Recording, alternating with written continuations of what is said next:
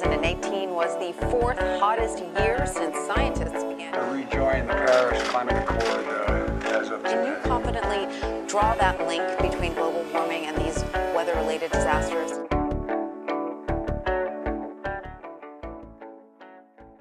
Välkommen till ett nytt avsnitt av Planet och politik med mig, Lorentz Tovatt. Eh, Det är väldigt kul att ha er med. En sak som folk har hört av sig om det är att jag har varit lite för benägen Eh, att bjuda in eh, gäster som bara klappar mig medhårs, som jag håller med eh, i olika avseenden. Och jag var faktiskt med i en podcast nyligen av Aron Flam. Och vi håller ju inte med varandra i någonting alls nästan höll jag på att säga. Och det blev ett ganska bra samtal trots allt. Så om ni inte har lyssnat på den så får ni gärna göra det. Men det gav mig också lite inspiration att faktiskt komma vidare med att ändå bjuda in en del gäster som jag inte alltid håller med om allt. Eh, och idag så kör vi första, eh, första exemplet på det faktiskt. När Lina eh, Håkansdotter kommer från Svenskt Näringsliv.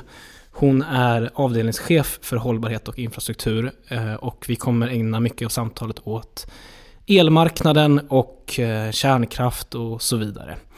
Det har ju minst sagt varit en debatt i början av det här året. Så det blir spännande. Vi sätter igång.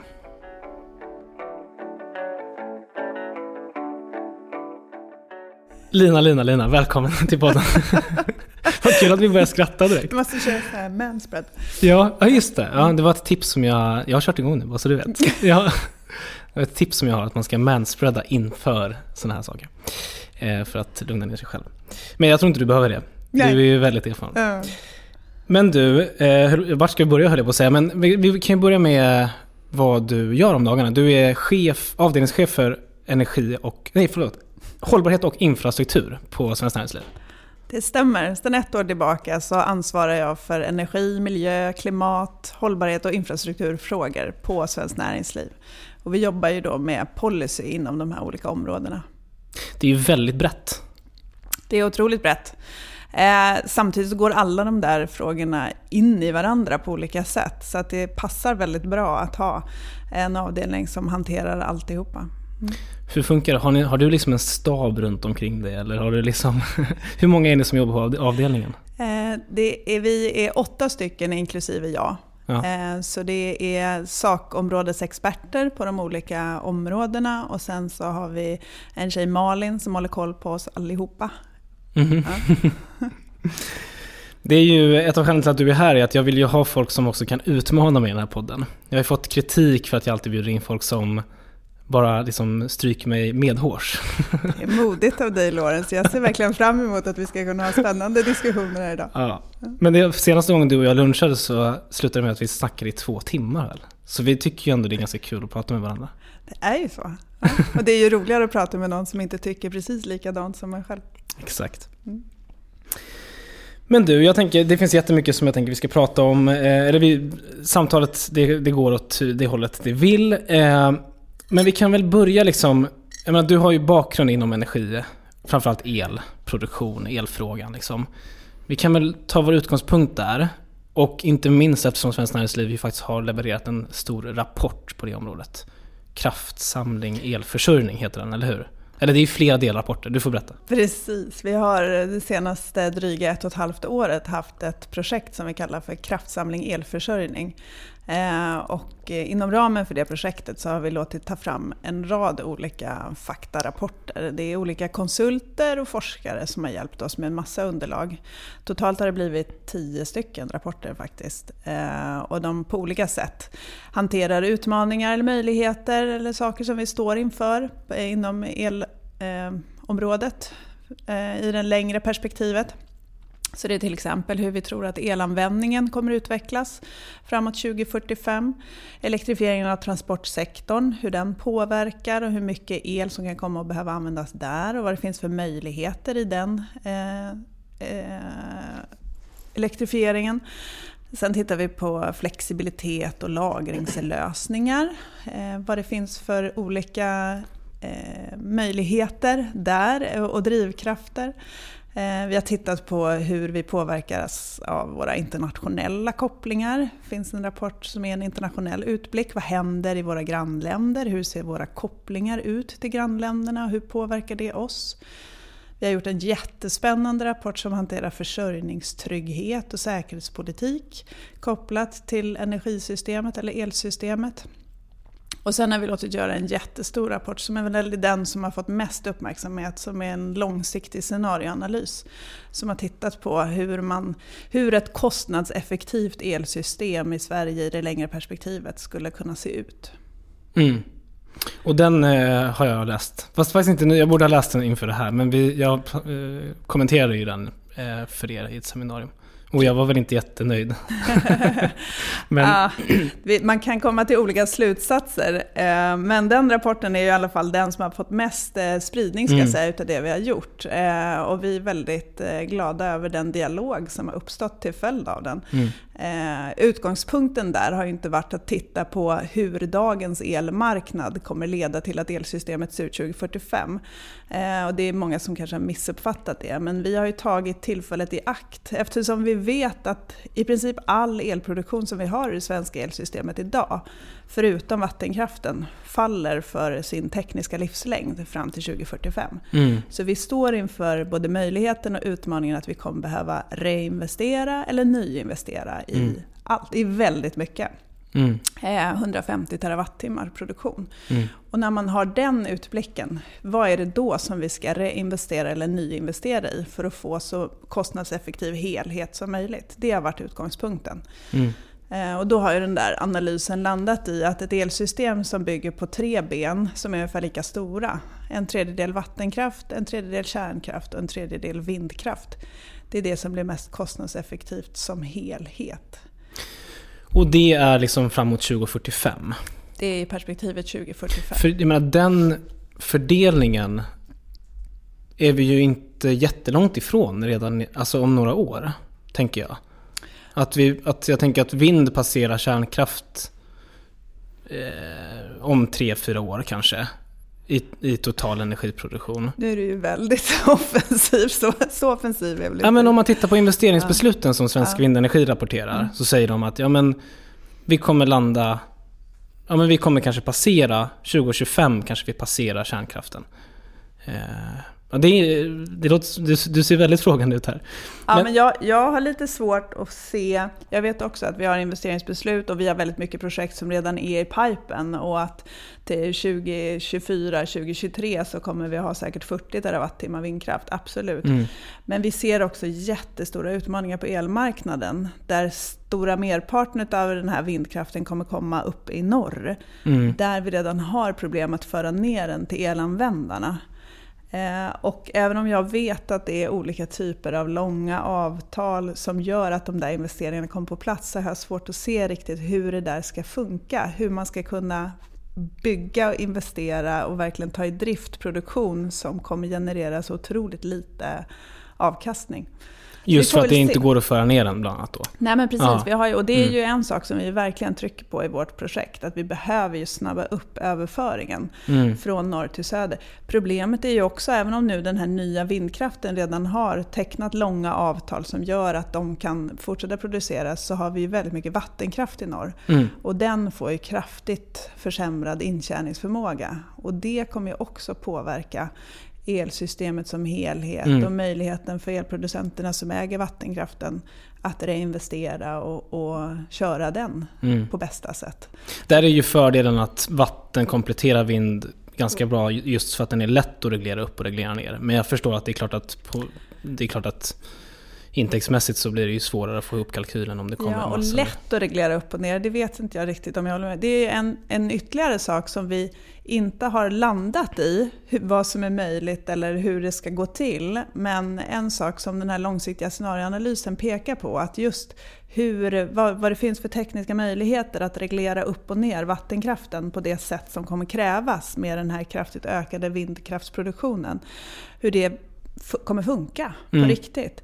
Alltså vi ser ju jag menar mest att det är, tekniskt, alltså det är tekniskt enklare att reglera upp och reglera ner än vad det är att reglera upp och ner kärnkraften till exempel. Ja, absolut. Att eh, du behöver inte stänga av och sätta på en sån stor eh, alltså stora reaktorer utan du kan eh, liksom stäng, bara stänga av och sätta på och sen så har vi, har vi liksom en energilagring i form av dammarna. Ja, jag tror att de som driftar vattenkraften skulle vara ganska... Men så funkar det ju redan inte idag. riktigt skulle säga att man kan stänga av och sätta på på det sätt som du beskriver. Det vi ser framför oss med 40 terawattimmar vindkraft är ju perioder av mycket längre eh, vattenkraft på minlast och perioder av mycket längre maxlast på Ja, vattenkraften. precis. Eh, och det här är ju problematiskt.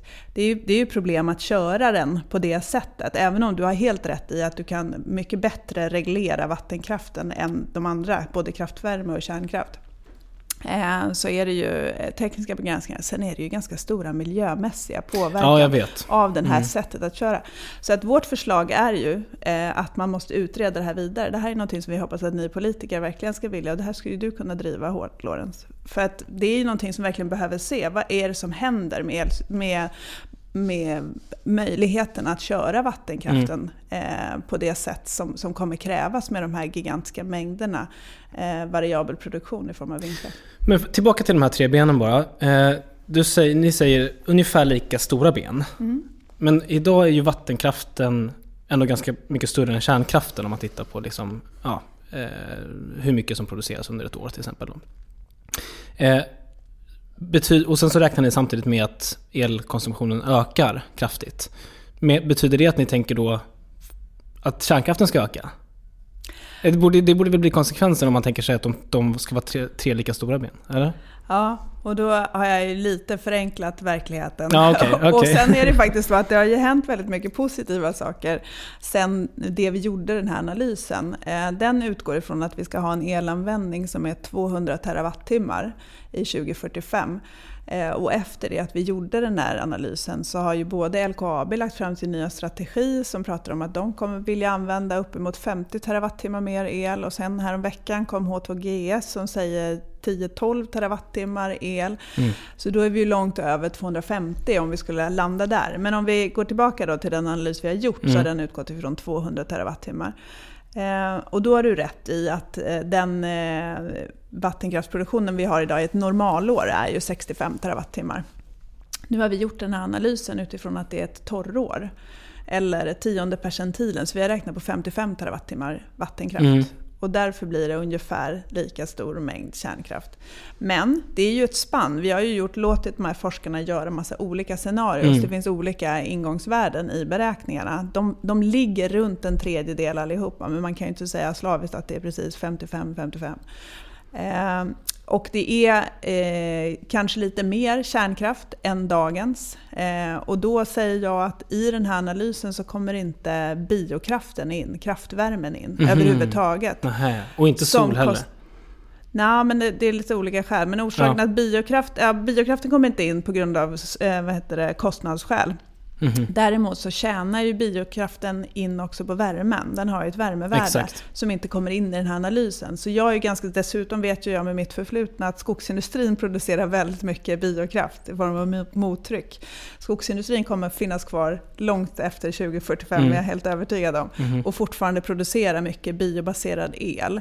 Så jag skulle säga att vi kommer, behöva, vi kommer ha kvar mycket kraftvärme som är biokraft behovet av att öka kärnkraften i det perspektivet, om vi pratar 200 terawattimmars elanvändning, det kanske inte är så stort. Det handlar framför allt om att reinvestera i dagens. Det är väldigt kostnadseffektivt som helhet. Men, det, men där måste jag fråga dig då, Mm. för att ehm, nu, de, de kvarvarande reaktorerna, de sex som, som eh, rullar på nu. Där har vi ju liksom några Egentligen om man tittar på den tekniska livslängden utifrån vad de är byggda för så, så snackar vi 60 år. Och då kommer den sista vara färdig 2045. Eh, och det är därför jag antar att ni utgår också från det, från det året eh, bland annat. Ehm, och 2040 har vi sagt att det ska vara 100% förnybar elproduktion i Sverige. Eh, är riksdagen överens om. Eh, eller inte Och överens. ni har också men- sagt att ni inte ska stänga ner några reaktorer. Ja, exakt. Det är spännande. Men, men och då är frågan, du tror att alla sex reaktorer, även de äldsta, kan förlängas bortom 2045? Är det rimligt utifrån liksom tekniska förutsättningar? Ja, nu är inte jag är ingen kärnkraftsexpert så, Nej. men eh, kärnkraftsägarna själva säger ju att det är en möjlighet. Annars skulle inte det finnas med som en möjlighet i, vår, eh, i den här underlagsrapporten. Eh, så att absolut. För jag tänker, alltså nu har ju de som rullar nu, de har ju alla den senaste säkerhetstekniken, de har ju eh, oberoende härdkylning. Mm. Det är ju fullt rimligt att tänka sig att de ska kunna rulla sina 60 år. Eh, om man tänker rent tekniskt då. Men jag ser bara att om man tittar på de som har stängt nu så har ju snittåldern varit 44. Och det, så kan man ju diskutera jättemycket vad, vad är skälet till att de har stängt och där tänker jag att du och jag inte kanske delar samma analys. Men min bild är ändå att i takt med att överskottet av el fortsätter öka nu fram till 2030, sen kommer det börja vända igen eh, på grund av de här investeringarna, de här industriinvesteringarna. Det känns ändå som att om man ska ta beslut om att förlänga till exempel de äldsta reaktorerna så har jag svårt att se att det är... Jag, jag, jag är inte lika säker på att de eh, kommer klara sig på samma sätt. Kanske att några av dem kommer kunna vara lönsamma att förlänga. Ehm, men det beror ju också på, alltså det, här, det intressanta med det här och det som är kul med er rapport också att diskutera utifrån det är att vi vet ju så lite om teknikutveckling. Och det gäller i alla avseenden. Alltså det vill säga, det kan gälla kärnkraften, jag är ju pessimist där, du är kanske mer optimistisk. Men det gäller ju inte minst energieffektivisering. Eh, elförbrukningen har ju stått still i 20 år nu eh, i Sverige. Nu pratar vi jättemycket om att den ska öka. Hur mycket? Alltså jag, jag, jag kan nog skriva under på att den kommer att öka. Men frågan är hur mycket och liksom, vilka styrmedel kommer att komma fram när det gäller att energieffektivisera. Sen på, lite, på några års sikt efter 2030 när priset börjar öka igen på grund av att vi får större efterfrågan från industrin. Ja men då kanske energieffektiviseringen tar fart igen. Och då, det är väldigt intressant att se ut, eh, liksom, det är mycket liksom som återstår att elanvändningen har varit i princip eh, har stått still under väldigt lång tid, det beror ju på energieffektivisering skulle jag säga. Det är mm, inte mm, så mm. att industrin har slutat växa, eller vi har ju blivit väldigt mycket fler människor här i landet också under de här 20-talet år som, som det inte har hänt jättemycket på elanvändningen.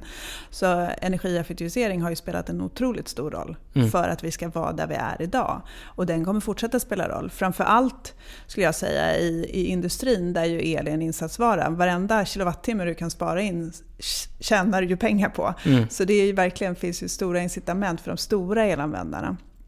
Det som har varit bra tycker jag nu, som har drivits fram mycket politiskt, det är ju ekodesigndirektiv och annat som har skapat liksom krav på produkter som, som du och jag använder. EUs ja. ja men precis, alltså diskmaskiner och ugnar och glödlampor och allt möjligt. Så att vi verkligen eh, får ner elanvändningen där så långt det går. Mm. Eh, men jag ser inte el som någonting dåligt. Jag ser ju elanvändning som någonting som det som skapar vårt välstånd.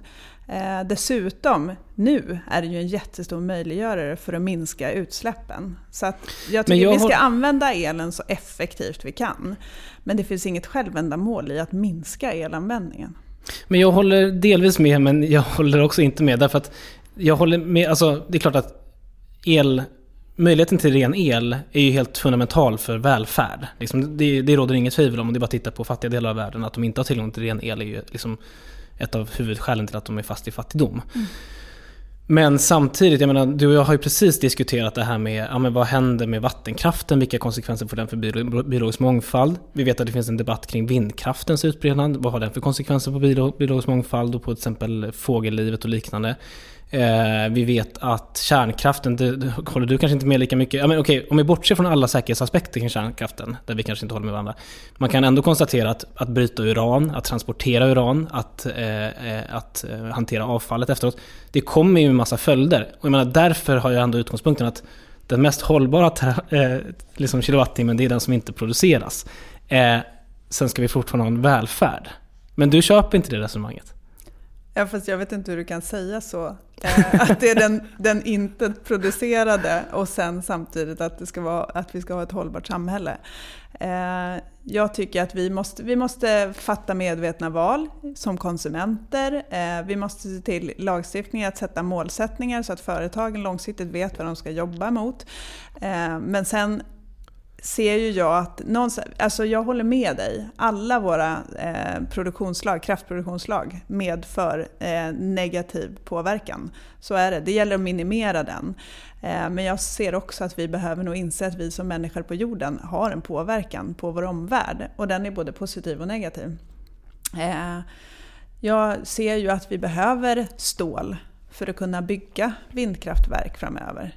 Eh, vi behöver, eh, vi människor har en drivkraft att utveckla och växa. Mm. Vi behöver inte konsumera massa onödiga saker, men, men vi har en påverkan på det, den omvärld vi lever i. Mm. Så jag ser ju att det är bra när vi i Sverige gör den här typen av material som man behöver globalt. Vi har precis presenterat en annan rapport. En av mina andra medarbetare, Jesper Gyberg, som är klimatansvarig, han har fram en, låtit ta fram en rapport eh, där vi räknar på den globala klimatnyttan av den svenska industrin. Ja, jag ska kommentera den. Äh, det... Jag visste inte att det var Jesper som... Det var kul. Jag och Jesper pluggade tillsammans Jaha. för massa år sedan. Och sen så har vi ju... Han har ju jobbat på riksdagen, eh, alltså för Moderaterna, när jag... Mm. Ja, men vad roligt. Ja, men vi har låtit Material Economics, en konsult, eh, hjälpa oss att räkna på när vi producerar saker i Sverige. Och det här är ju gruvprodukter, stålprodukter, skogsindustriprodukter, kemiprodukter. Eh, och så exporterar vi dem. Får vi någon, någon positiv klimatnytta? Eh, och vi kan konstatera att de här industrisektorerna, industrin i Sverige släpper ut 17 miljoner ton koldioxid Mm. Totalt i Sverige är det väl ungefär 55 miljoner ton. Så 17 miljoner ton är det som industrin står för. Mm. När vi exporterar de varorna till andra länder, då trycker vi undan 26 miljoner ton utsläpp. Mm. Så för varenda producerad ton produkt som vi gör i Sverige och exporterar så gör vi en stor global klimatnytta. Därför är det ju väldigt Och det beror dels på att vi har en fossilfri elproduktion här mm. i landet. Men det är också att vi har väldigt mycket mer effektiva processer. Konsulterna de har ju jämfört liksom en masugn i Sverige jämfört med en masugn till, på exportmarknaden. De har tagit konkreta exempel eh, och räknat på skillnaden där.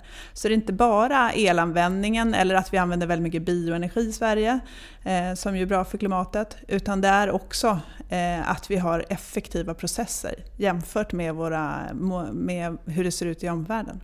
Ja, men jag måste bara säga det, vi, vi kan ju inte sitta och hålla med varandra hela tiden.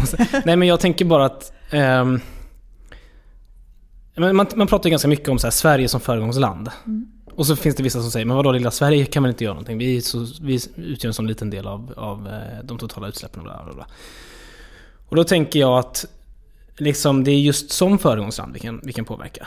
Och jag menar, där har ju export en viktig del i det. Men, men om, när, så, när, du, när, när du presenterar så här så låter det ändå lite som att du tänker att eh, just för att vi är på marginalen bättre du kanske inte har någon, men vi är liksom lite bättre än de andra. Då ska vi eh, ha, liksom bevara den industri vi har, öka exporten och allt det där. Men, men då skulle jag säga att om vi, om vi verkligen ska vara föregångare och kunna vara liksom, ta liksom gigantiska transformativa skutt i teknikutveckling och liknande. Ja men då är det ju, net, då är det ju nollutsläpp som gäller. Ja, då, först då kan vi ju verkligen visa omvärlden att det här är möjligt att göra. Och då, ja, och, då, och då måste man ju också ta i med hårdhandskarna, då kan man inte bara... ta i med hårdhandskarna. Jag tror vi har olika åsikter kring vad det är som driver minskade utsläpp i Sverige. Men självklart, det ena utesluter inte det andra. Vi ser ju också att den här industrin som jag nu har pratat om, som har utsläpp som motsvarar 17 miljoner ton, eh, de har ju också planer i form av färdplaner om hur de ska Men... bli fossilfria. Och då kommer den här klimatnyttan öka, öka ännu mer. Och det är såklart, det är under förutsättning att det inte händer någonting i vår omvärld. Och det får vi ju verkligen hoppas att det inte stämmer, utan att man även i omvärlden går mot mm. kraftigt minskade utsläpp och netto noll-mål till 2050. Men oavsett det så har vi ett försprång här. Så när vi gör saker här så är det bättre för det globala, och mm, klimatfrågan mm, mm, är global. Mm. Så det finns liksom, för mig finns det inget alternativ. Jag tycker det är så otroligt roligt att det kommer nya satsningar i form av H2GS nu då. Eh, till, Jättekul. i Sverige. Ja. Men det, det som var lite min poäng också, det, det är ju mer det här liksom, vilket förhållningssätt ska man ha till förändring? Och jag menar, nu ska inte jag lasta dig för vad Svenskt Näringsliv tidigare har drivit, men, men det har ju alltid varit så historiskt. Dina föregångare har liksom alltid sagt att nej men oj, vi ska inte höja ETS-priset. För att då riskerar konkurrenskraften för näringslivet att liksom slås undan. Vi ska, inte, vi ska vara försiktiga med de här förändringarna. När Miljömålsberedningen till exempel satt och tog fram Sveriges klimatramverk. Då sa ju Svenskt Näringsliv, LO och LRF nej, nej, nej, nej, vi kan, vi kan inte ha netto noll till 2045, vi måste ha det till 2060 eller något liknande. Jag kommer inte ihåg exakt när man sa det. Men, eh, och, så, och då, den bakomliggande argumentationen är ofta så här, nej men vänta nu här, vi är redan på marginalen bättre än de andra. Då kan inte vi ställa högre krav. För då slår man undan konkurrenskraften. Och då skulle jag svara att det är just genom att ställa krav som vi också kan vara det riktiga föregångslandet. Nu när vi har höjt ETS-priset jättekraftfullt, alltså bara som bakgrund för lyssnarna då, ETS är då EUs utsläppshandel eh, som reglerar industrin. Så har ju också det här kommit som en följd. Alltså jag säger inte att Hybrid och eh, H2 eh, Green Steel och de här satsningarna inte hade kommit, men de hade kanske kommit senare. Eh, de hade varit svåra att genomföra. Eh, och dessutom, nu har de också fått en del stöd statligt. Så att jag, min poäng med att så här, eh, jag tror att man ofta så här, det är lätt att tänka att, nu har inte jag läst i rapporten, jag ska göra det inför seminariet, men men eh, jag, jag vill inte använda det här som ett argument för att inte ha pålagor och krav. Det är mer det jag tänker. Ja, men vi, kan komma in, vi har pratat gärna om det. Vad är politikens roll i ja, det här och vad absolut. är det som driver omställning hos företagen? Eh, utsläppshandelssystemet ska jag säga och att det finns en stark prissignal inom ramen för det. Det är otroligt viktigt för att få till en omställning i elproduktionen, i energiproduktionen. Eh, framförallt på Europanivå. I Sverige har vi som sagt en i princip fossilfri elproduktion. Men på Europanivå så finns det otroligt mycket ja. fossilt som behöver bort. Däremot så är det ju svårare för industribranscherna som i mycket större utsträckning blir en eh, pristagare i det här. Och om vi då tar exemplet eh, fossilfritt stål så är det ju så att Eh, det är ju inte så att de kan minska sin, stålindustrin kan inte minska sina utsläpp enligt den linjära reduktionsfaktorn som finns inom utsläppshandelssystemet, alltså det vill säga en gradvis minskning. Eh, utan eh, stålbranschen, de behöver ju disruption. Och de har hittat process, men det tar tid att utveckla den vidare, att få den på plats.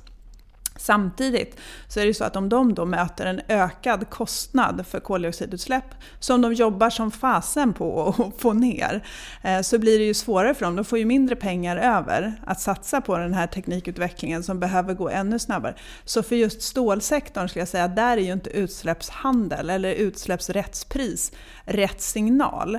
Däremot, någonting som verkligen funkar för hela, eh, hela näringslivet, det är ju långsiktiga målsättningar som är glasklara. Och där kan jag, jag kan inte svara på mina företrädare eller för hur Svenskt Näringsliv argumenterat tidigare. Men jag kan ju tycka att vi har ett netto noll-mål nu till 2045. Det är ju positivt. Nu vet företagen vad det är som gäller i Sverige. Eh, sen kan man säga att om, från regeringens sida, ni är lite i mitt i mina ögon lite schizo schizofrena. Ja, eh, ni har initierat det här initiativet Fossilfritt Sverige, Svante Axelsson som driver det. Eh, som ju verkligen har skapat en rörelse i näringslivet där jag vet inte hur många branscher det är nu som har tagit fram färdplaner, om det är 22 eller 29. Mm, han var ju min första gäst i den här podden, så ja, han är, jag, jag brukar kalla honom för näringslivets ja. Duracell-kanin. Ja. ja. Nu är det ju inte Svante som gör förändringarna nej, här, nej, utan nej. det är ju sektorerna och företagen själva. Men det har skapat en bottom-up-rörelse med en stor drivkraft. Det är inom ramen för det skulle jag säga, arbetet som man har lanserat Hybrid och andra projekt. Och vi ser en stark framåtmarsch. Eh, på det sättet vill ju företagen jobba. Man har då inom ramen för de olika färdplanerna identifierat olika områden. Både där man ser att man själv behöver satsa, mycket forskning och utveckling, kompetensförsörjning och annat. Men också områden där man ser att ni från politiken behöver leverera. Och det är ju elsystemet en sån, men det som framförallt verkligen lyfts är ju tillståndsprocesser. Mm. Och då har ni från regeringen tillsatt ett antal utredningar för att se till hur kan vi nu förändra miljötillståndsprövningen mm. så att vi kan se till att vi når klimatmålen. Eh, och jag har suttit med som expert i den här klimaträttsutredningen som är en av de två utredningar som har tillsatts. Och där, går man ju, där lyssnar man inte alls på vad vi från näringslivet föreslår.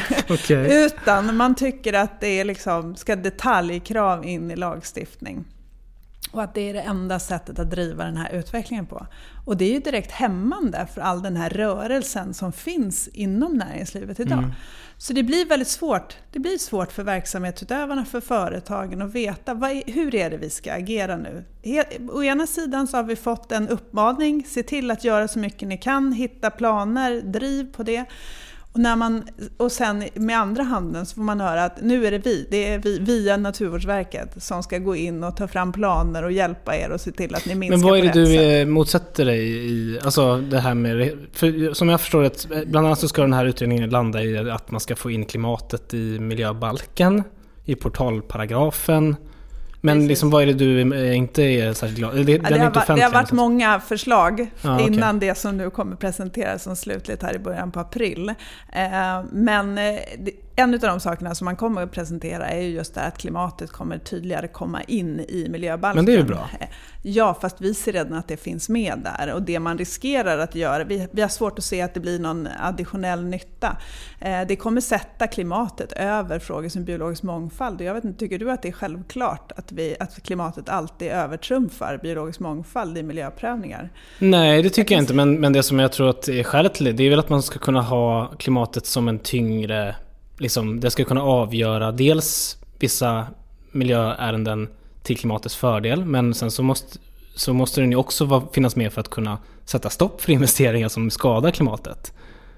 Eh, det kommer, vi kommer Vad är det för investeringar? Ja, Det finns ju ett väldigt akt- tidigare, tidigare aktuellt eh, tema, Preemraff till exempel. Mm. Och det hade ju äventyrat Sveriges nettonollmål. Eh, Men är, det, är och Sveriges netto-nollmål det viktigaste för klimatet? man kan ha massa teoretiska resonemang om, de, om att det är globalt och så vidare. Men, men jag menar, det är ju, Sverige har ju skrivit under Parisavtalet. Vi har sagt att vi ska ha netto noll 2045.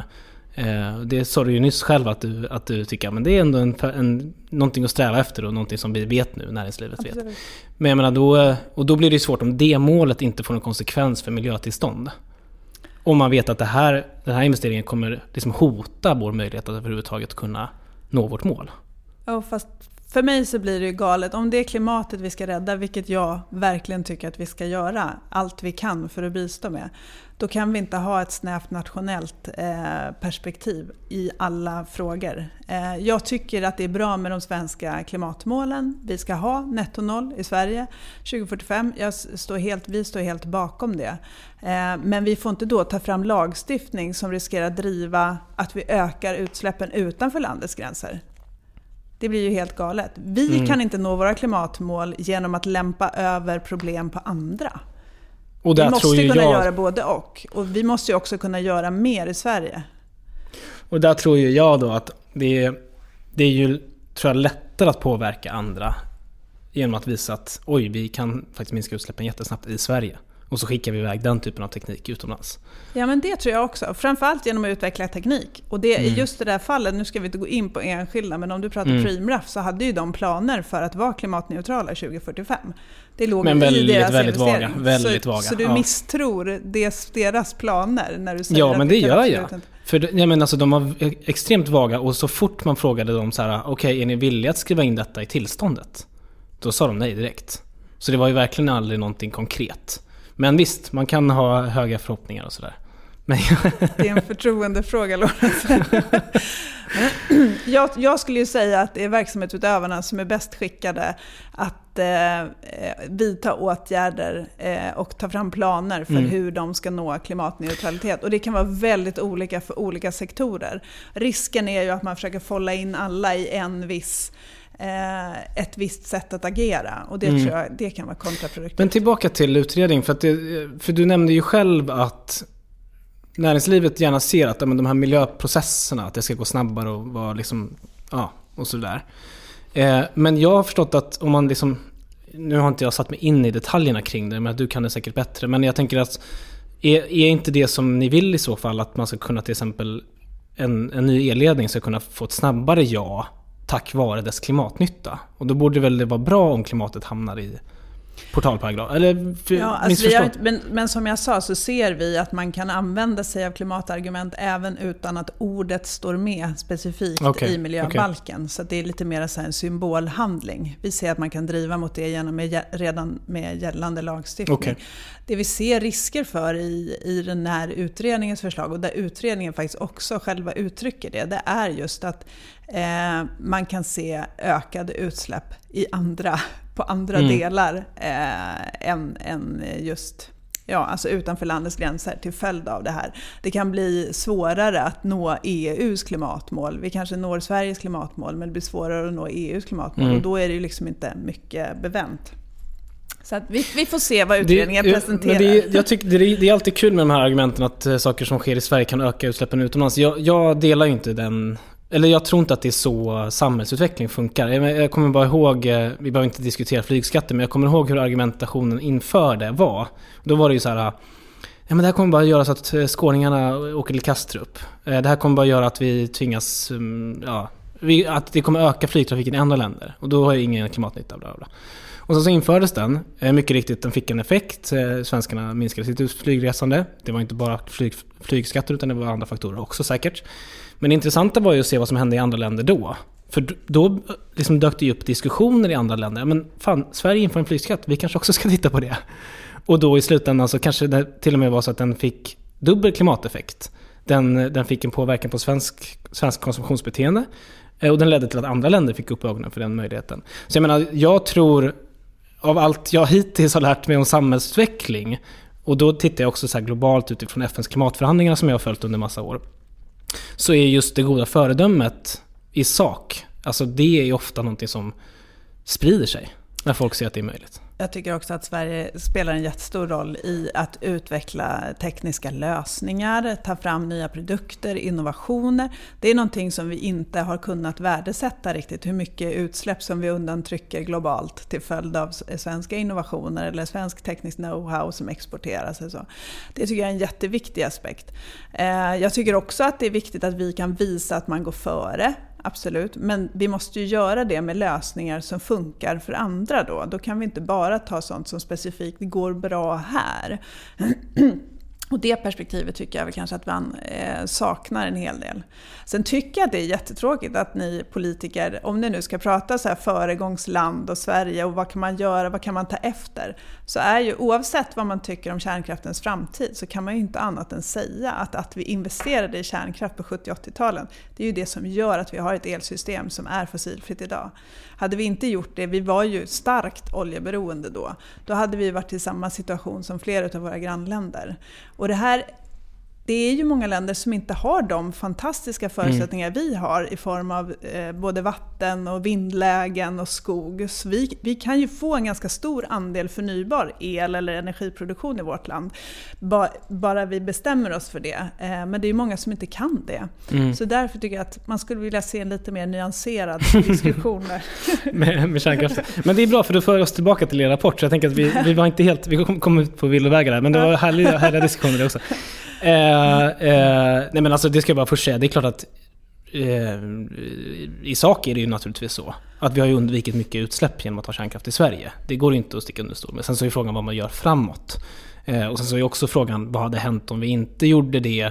Då hade kanske det förnybara flyttat fram sina positioner snabbare, tidigare och så vidare. Men, men, men låt oss inte fastna där. Jag tänkte, jag vet inte, jag har ju egentligen massa invändningar mot den rapporten. Jag tänker att vi ska inte gå in på alla detaljer kring det. Men en sak som jag fastnar för där jag inte riktigt förstår hur ni resonerar, det är ändå att ni säger att men okej, vi ska ha mer vind. Det ser ni som en viktig liksom, del i mixen. Men ni, och ni är oroade för södra Sverige, men ni är emot de här förslagen om att eh, havsvinden ska få liksom, billigare anslutningsavgifter. Och då ska jag bara dra bakgrunden här. Eh, så ja, det som är regeringens förslag har ju varit att man ska bygga nät till havs. Eh, för att det ska bli helt enkelt billigare att ansluta sig för de som bygger stora havsvindsparker. Och det, potentialen för det är ju framförallt i södra Sverige. Det är ju där man ser att man skulle kunna bygga ut det kraftfullt. Eh, det här skulle ju underlätta kraftfullt för att liksom bygga just i södra Sverige där vi har en relativ brist. Men det inte ni för.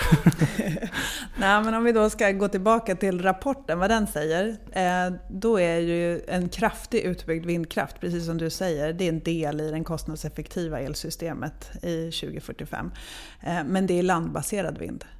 Om man har ett teknikneutralt utgångspunkt, som vi, vi, har, vi har låtit ta fram scenarier som är teknikneutrala, det vill säga som inkluderar även kärnkraft. Och sen så har vi scenarier som är helt förnybara, som, där vi har liksom sagt att analysen får inte eh, inkludera kärnkraft. Eh, men om man har ett teknikneutralt utgångsläge, då kommer det in väldigt mycket landbaserad vindkraft. Orsaken att det blir land och inte havs är att den är billigare. Eh, och jag ska säga också det att vi har ju låtit alla möjliga olika intressen tycka till om de ingångsvärden som finns i den här analysen. Eh, och absolut kan man, man kan hävda att vi tror att teknikutvecklingen kommer gå ännu snabbare, eller att prisnivån kommer sjunka ännu mer. Men vi har haft väldigt, det har varit väldigt offensiva prisnivåer eh, på både landbaserad och havsbaserad vindkraft med den här rapporten. Jag ska också säga att kostnader för nät finns inte med överhuvudtaget i rapporten eller i den här analysen. Så det är inte så att havsbaserade vindkraften blir dyrare till följd av att det är ökade nätkostnader. Mm -hmm. okay. Det finns inte med. Nej. Utan vi har, ut, vi har utgått från samma nätinvesteringskostnader i alla alternativ. Eh, men så analysen visar landbaserad vindkraft. Eh, och då är det ju så att då då är, kan vi reinvestera i befintlig kärnkraft så är det billigare än att bygga havsbaserad vindkraft i söder. Det är det som är det enkla eh, svaret på din fråga. Mm. Varför vi då inte tycker att man ska eh, betala indirekta subventioner till den havsbaserade vindkraften genom att bygga ut stamnätet i, i, eh, till havs. Det är ju just därför att då driver vi in elproduktion som egentligen i det kostnadseffektiva elsystemet inte finns där. Nu har ju du och jag olika åsikter kring om kärnkraften ska... Får vi har olika åsikter kring om kärnkraften ska kunna leverera efter 2040 eller inte. Eh, har man utgångspunkten som jag, att om det är kostnadseffektivt så är det klokt att vi reinvesterar i kärnkraften, mm. då, då ska vi inte ha någon havsbaserad vindkraft. Har man inte det, om man säger att vi ska inte ha någon kärnkraft över 2040, då kommer den havsbaserade vindkraften in i söder. Så i de 100% förnybara scenarierna som vi har analyserat, då är det ju en del havsbaserad vindkraft. Mm. Absolut. Så vill man driva mot det, då ska man ju göra den där investeringen som ni säger. Då ska man göra den subventionen till havsbaserad vindkraft. Men det kommer kosta. Det är inte, ett sånt elsystem enligt den här analysen är 40% dyrare än det systemet som tillåter fortsatt mm, drift av kärnkraft. Det där köper jag inte. Det är, det är några av mina invändningar. Men, eh, Kostnaden för hela systemet är 40% dyrare. Det är inte, jo, men ni räknar liksom... också på lägre, alltså ny kärnkraft, för det finns ju ny kärnkraft i er, er modell. Och den, är ju, den räknar ni att den är mycket billigare än vad den faktiskt är. Alltså om man tittar på Bloombergs siffror. Jo men det... Ja, men, ja. Och så räknar ni på en jättelåg kalkylränta. Alltså ni räknar på... Ni, på flera olika sätt så gör ni ju systemet ganska riggat för att kärnkraften ska komma ut bättre. Tycker jag då. Ja, och eh, forskare. Den, jag tycker, tänker inte att vi ska gå in och prata i Nej, just om kostnadsbedömningarna. Nej. Det kan man gärna gå in och läsa på vår hemsida, så finns ju den här mm. rapporten och man kan ladda ner. Vi tittar på olika kalkylräntor. 6% som är den höga kalkylräntan är ju inte någon konstig ränta, konstigt låg ränta. Eller, nej precis, eh, som du hävdar. Så det skulle jag inte säga. Men den stora men ni räknar på samma för kärnkraft är ja. ju inte ny kärnkraft, utan det är reinvestering i befintlig. Mm. Och det är väldigt billigt jämfört med att bygga ny havsbaserad vindkraft. Det är ju så. Ja, så som det ser ut nu. Alltså, man kan snacka om att man, man förlänger eh, kärnkraften eh, och, och, gör det till en relativt liksom, billig peng per eh, kilowattimme. Liksom. Eh, men ja, för det, eh, liksom anledningen till att jag ändå frågar är att eller om vi, vi skiter i kostnader, vi skiter i det här med bla bla bla. Men det, det som var liksom poängen lite med frågan var att... Du låter som en elproducent. Vi som använder el kan inte skita i kostnaden för helheten, men okej. Okay. Nej men vadå? Nej men jag menar att vi skiter i hur ni har räknat på ditten och datten. Ja. För det blir bara så himla nördigt och, och så, ja. Mm. Kalkylräntor hit och dit. Men, ehm, nej men jo, men det som var min poäng med frågan egentligen, det var att du har ju synpunkter på att till exempel vindkraften inte alltid levererar. Och att den leder till kostnader för elöverföring, alltså nätkostnader. Den byggs ut i norr. Du inledde med detta och pratade om att det är ett problem att det byggs ut så mycket i norr. Och så vet vi då att havsvinden kan dels byggas ut där den behövs. Om man tittar på det relativa behovet. Alltså, och det behovet har vi ju i... Ja, det beror på vem du frågar, men man skulle kunna argumentera för att vi har det behovet redan idag. I takt med att vi har lagt ner några, några reaktorer i södra Sverige. Och den havsbaserade vinden levererar och har en högre kapacitetsfaktor än den landbaserade. Den levererar fler timmar på året. Och jag menar, givet detta då, givet att vi har ett relativt behov i södra Sverige och givet att den landbaserade inte levererar samma jämna energi liksom. Så borde det vara en no-brainer tycker jag att man liksom landar i att ja, men då kan vi gynna eh, havsbaserat. Eh, utöver det, nu har ju EU verkligen pekat ut havs, havsvinden. Eh, och det vet jag att de gjorde framförallt efter att ni släppte er rapport. Men det tänker jag, ja, det är ju liksom det är ju där det kommer hamna. Sen så kanske man ändå kommer livstidsförlänga kärnkraften. Men jag menar, det känns lite eh, avvikt att vara emot det här från er sida.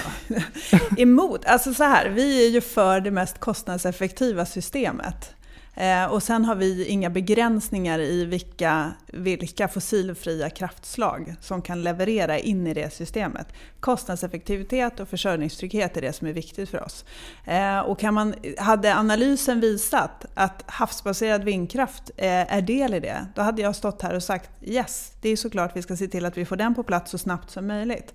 Men nu visar inte den här analysen det. Och den här, att, eh, att den havsbaserade vindkraften producerar mer stabilt än den landbaserade är ju helt korrekt. Mm. Eh, och den värdefaktorn finns också med i den här analysen. Så den är ju mer värd för systemet rent så här försörjningstrygghetsmässigt eller leveransmässigt än vad den landbaserade är. Men trots det så finns inte den med i de mest kostnadseffektiva alternativen.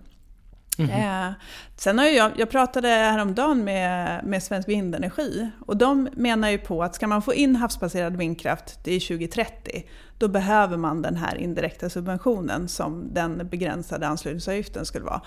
Eh, men om man ser i ett längre perspektiv, bortåt 2040, då kommer den havsbaserade vindkraften vara lönsam på egna meriter, även om den måste betala den fulla anslutningskostnaden, säger Svensk Vindenergi. Mm. Och då kan ju jag som har ett kundperspektiv, som inte vill betala mer i onödan än vad man behöver, då kan jag undra varför ska vi driva in den här till 2030? Vi har ju kärnkraft, dagens kärnkraft, som kommer eh, producera åtminstone till 2040-45 enligt vad producenterna själva säger. Så varför ska vi driva in den här havsbaserade vindkraften innan dess? Men, och då är ju ett svar på det skulle kunna vara just klimatargument. Att ju mer vi producerar i södra Sverige desto mindre behöver vi importera de få timmar vi behöver göra det. Vi kan dessutom exportera mer. Jag menar, om man tittar på liksom... Men Lorentz, Öster... jag var jätteglad över att man stänger ner reaktorer i förtid. Där har inte klimatargumentet riktigt Ja, ska vi dra hela den debatten nu också? Nej, men i förtid. Alltså att man har stängt ner dem i förtid. Det hade varit jättebra för klimatet om de hade kunnat leverera i fem år till. Ja, men gud, vi, jag tänker att vi ändå inte hamnar i Ringhalsdebatt. Det var du som drog Jo, men, men, men helt oavsett vad. Man, säg att man hade dragit eh, Ringhals eh, vidare till 2025 då. Säg att man skulle göra det. Vi snackar ändå inte storskalig utbyggnad av havsvind förrän 2027, 2030. Jag menar, då, den hade ju gjort jättestor klimatnytta då, även om vi hade haft ett överskott. Jag förstår vad jag menar? Så klimatargumentet är ju legitimt oavsett. Vi, vi, eh, liksom, oavsett när Ringhals läggs, läggs ner så, så är, ju, är, det ju en additionell klimatnytta av att bygga ut havsvinden. Och det som händer nu det är ju att EU pekar ju ut liksom att vi ska ha ett finmaskigt, finmaskigt nät av havsbaserad vind längs alla kuster i princip. Och då kommer vi liksom kunna bygga ihop oss med Danmark, Tyskland, Polen. Men är det Polen. rimligt att det är de svenska elkonsumenterna som då ska betala för detta? När det inte är del i det svenska kostnadseffektiva Ja, men då, jo, ja, jag tycker det. Av, av, av, samma skäl att jag tycker att... Eller av, av det enkla skälet att ny teknik alltid har varit subventionerat. Och nu menar inte jag att det här är en så stor subvention utifrån perspektivet liksom att det är en, alltså, det är en indirekt subvention men vi vet också att vi behöver mer nät. Eh, så att, alltså jag inte, ja, man kan kalla det för subvention men, men poängen är att ny, ny kraftproduktion har alltid varit subventionerat i en övergångsfas i början. Och vi vet att det behövs, vi vet att det är positivt på alla möjliga sätt att vi kan till exempel binda ihop oss med Danmark, Tyskland och Polen och, och verkligen få ut en, en liksom stor elexport. Eh, så att 2027, 2030 när det är på plats, då kommer vi ha ett massivt elöverskott i Sverige, det vet vi redan. Eh, men varför inte låta det bli ännu större och fortsätta pumpa ut el eh, till resten av Europa? Ja, men då kommer vi in på det här med marknad som vi sa från början att vi skulle prata om, okay. som vi nästan har undvikit helt. Ja. Men alltså att vi har ett massivt överskott här som hjälper till att dopa, eh, det, det, skapar ju problem för elmarknaden också. Absolut. Eh, subventioner på ett ställe skapar behov av subventioner och stöd på andra ställen. Så vi förespråkar ett system som är så fritt som, från subventioner som möjligt. Jag skulle vilja påstå att hade vi inte haft eh, subventionerna i form av elcertifikatsystemet, som vi ju båda två vet inte är några stora subventioner i dagsläget, men som var det och som drev in väldigt mycket vindkraft i norr framförallt, eh, har gjort eh, tidigare år. Mm. Eh, då skulle vi inte ha de här gigantiska inlåsningseffekterna i norr. Vi skulle inte ha sett att eh, nödvändigtvis att kärnkraften i söder hade stängt ner i förtid. Vi ser ju nu att vindkraften är skitbillig och kommer in på helt egna meriter. Ja, men hade det inte varit smart att vänta med att låta den komma in på egna meriter som den gör nu? Vad vann vi på att subventionera med 5-7 öre per kilowattimme i början på 2000-talet? Varför Men skulle en- vi göra den saken? Nej men en sak som vi helt uppenbart vann var ju klimatnyttan. Sverige har ju byggt upp ett överskott till skillnad från alltså under 00-talet där vi hade liksom vartannat år ett stort underskott. Alltså vi hade ju, Vi har ju också stängt ner 2006 fyra reaktorer som hade kunnat leverera under den där tiden. Så jag vet inte om ja klimatnyttan vi hade, hade inte haft, nödvändigtvis varit mindre. vi hade inte haft samma elöverskott. Alltså nu har vi ju, men det är väldigt tydligt om man tittar på liksom infasningen av vind i systemet så vårt elöverskott korrelerar ganska tydligt med den infasningen. Eh, och parallellt med det så har man ökat effektiviteten i, eller effekten i befintliga kärnkraftsreaktorer. Så att jag menar det är ju inte... Visst, det är klart att man kan alltid säga att men, låt marknaden sköta det där eh, och så får vi vinden när den väl är mogen. Men de stora tekniksprången och liksom teknikutvecklingen de bygger ju ofta på att någon är med och stöttar i början. Ta bara tyska Energiewende som jag vet att du säkert har massa synpunkter på men det är helt uppenbart att tyska Energiewende var helt avgörande för prisfallet på sol och vind. Och det hjälper nu hela världen i omställningen. Ja, Så men så- det är, det är tyska konsumenter som får betala priset för det. Ja, Jag håller med dig. Och vi- därför ska man vi krama en tysk och tacka så mycket för att de har varit med och bidragit till den enorma klimatnytta som det Men innebär. Lorenz, jag skulle vilja flytta diskussionen till det Vi här måste med- börja runda av. Vi Ja, pratat men vi har en, en ja, sak vi måste prata shoot, om och shoot, det är shoot, ju försörjningstryggheten. Ja. Eh, jag tyckte det var uppfriskande att se dig i, jag vet inte om det var aktuellt eh, för några veckor sedan, Ja. när du debatterade, jag tror det var mot, mot Joar, och sa att du inte störde så mycket av att vi behöver fossilimport några timmar på året, eh, vilket jag delar. Eh, det som stör mig i den eh, ekvationen är ju att alla länder som vi har kablar till också bör ha och har mål om att minska sin eh, fossilandel i sitt elsystem. Mm. Så att i en framtid så kommer vi inte kunna importera den där fossila elen när det inte blåser i Nordeuropa. Eh, och då undrar jag vad som Vad kommer hända. Och problem, det jag vill komma till är att det är inga eh, egentliga mål, vare sig på EU-nivå eller nationellt, kring försörjningstrygghet. Utan det är väldigt mycket så här prat om att ja, fast när, när vårt system inte riktigt räcker till, då litar vi på att vi kan importera från någon annan. Och jag tycker också att handel är helt avgörande för att få Mm. effektivitet och, och ett bra försörjningstrygghet i elsystemet. Men alla kan inte lita på att det är någon annan som kommer leverera när det inte blåser. Mm. Hur ser du på den frågan? Ja, men det snabba och eh, förenklade svaret är ju vattenkraften. Och den använder Fast vi... det räcker ju inte till hela Nej men, nej, men, det, det, nej, men alltså jag tycker att det är som intressant med hela den här debatten som har varit under våren nu. Att liksom, oj nu importerar vi, oj oj oj, panik, panik, panik. Det är ju att den, den absolut största majoriteten av allt vi importerar är från norsk vattenkraft. Så att jag menar, vi har ju tur att vi, att vi ligger bredvid Norge på det sättet och att vi har den svenska vattenkraften. Men med det sagt... Men Norge slänger ut kablar eh, Ja, åt ja. fler och fler Ja, det ska bli och det är många som ska använda den norska vattenkraften Ja, det blir skitintressant att se hur det kommer påverka. Eh, samtidigt så hoppas vi på att våra egna kablar ska hinna bli färdiga också. Så att då blir det också enklare att skicka elen eh, till södra Sverige. Men, men det blir intressant att se. Eh, med det sagt, det lite längre och mer komplicerade svaret, och det här har ju du och jag diskuterat tidigare, det är att jag har ju väldigt höga förhoppningar på ny teknik när det gäller lagring och vätgas, batterier, eh, biokraft, eh, flexibilitet, energieffektivisering. Alla de delarna som jag menar redan, vissa av dem är redan på plats och kan skruvas upp. Eh, andra är ny teknik. Jag menar, om man tittar globalt, investeringarna i vätgas, de ökar med 5000% närmsta åren. Jag menar, det är helt spektakulärt och priset på elektrolyser faller för varje dag som går. Eh, priset på batterier faller som en sten. Tekniken utvecklas snabbt. Många länder har ju börjat installera batterier i sina, sina elsystem redan som det är. Så jag tror ju att de här timmarna som vi har varit beroende av import, de, eh, jag tror inte att vi kommer vara det i samma utsträckning eh, om tio år. Därför att jag tror att tekniken har redan kommit Men ganska det kommer långt. inte handla om timmar. Om vi bygger mot ett mer eh, väderberoende elsystem över hela Nordeuropa så är det ju dagar eh, som kommer behöva eh, lagring och det kommer ju kosta gigantiska summor. Och det är väl det, det är ett medskick till mig. När man nu tittar på liksom marknadslösningar och när man pratar om vad som är billigt eller inte. Vi måste ju titta på hela elsystemet. Det är egentligen helt irrelevant att bara titta på att ett kraftslag kostar så här många kilowatt, eller så här många öre per kilowattimme. Mm, mm, mm. Därför det är kostnaden för hela systemet. Om du nu jämför, oavsett vilken, vilket pris du sätter på kärnkraften eh, per kilowattimme, då kan du inte jämföra den med en kilowattimme vindkraft som dessutom då behöver lager eller systemtjänster eller andra saker för att få det. elsystemet Jag att funka. Så där måste vi ju liksom se till att vi får Mm. en analys som tittar på helheten. Och att vi försöker minimera kostnaden för helheten. Men och jag köper det, jag vet inte om du kommer ihåg det, men bland det första jag gjorde som energipolitisk talesperson var ju att träffa branschen. Och då satt ju jag och så skulle jag hålla någon dragning för er. Det kändes ju ganska nervöst eftersom jag var helt ny.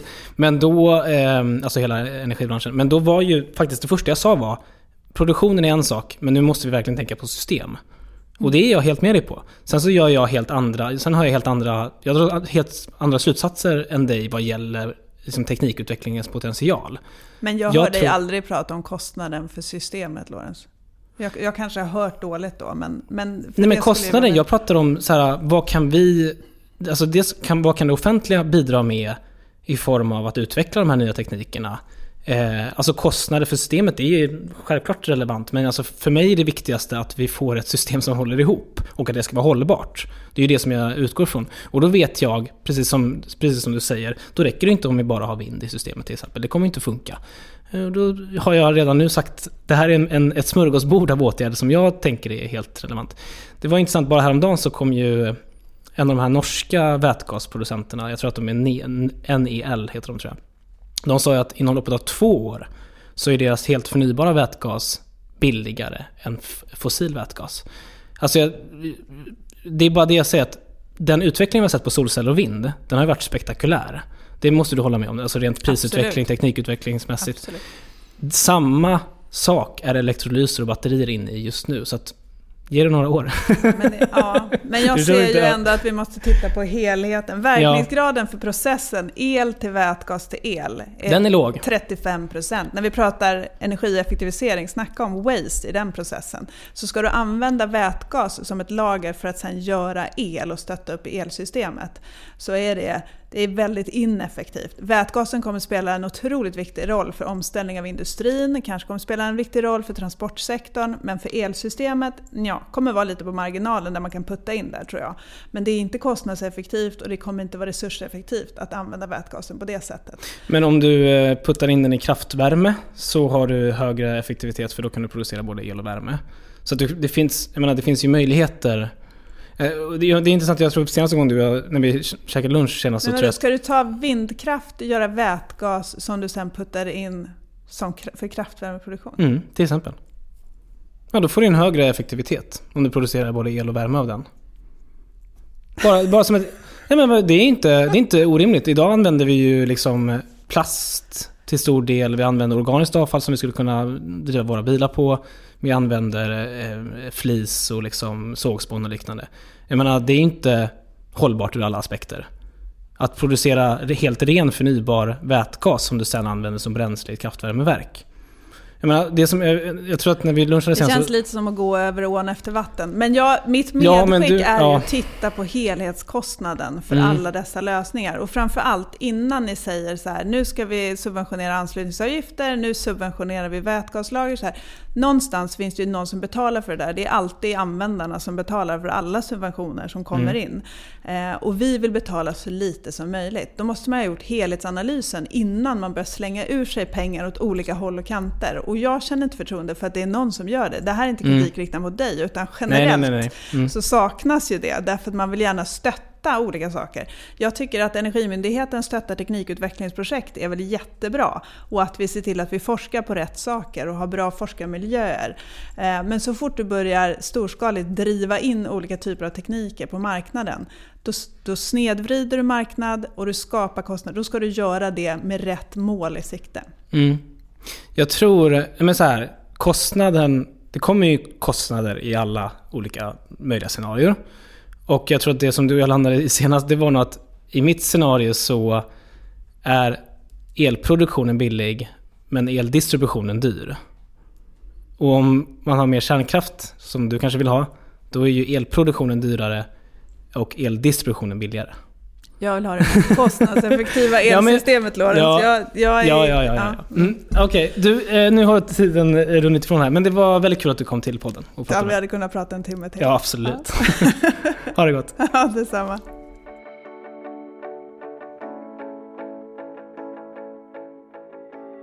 Tusen tack för att du har lyssnat på Planet och politik. Eh, om ni vill nå mig på något sätt så är det enklast via Instagram eller Twitter. Eh, och jag vill passa på att tacka Christian Hanner som hjälper mig med klippning, ljud och vignett. Och vi hörs igen om en vecka.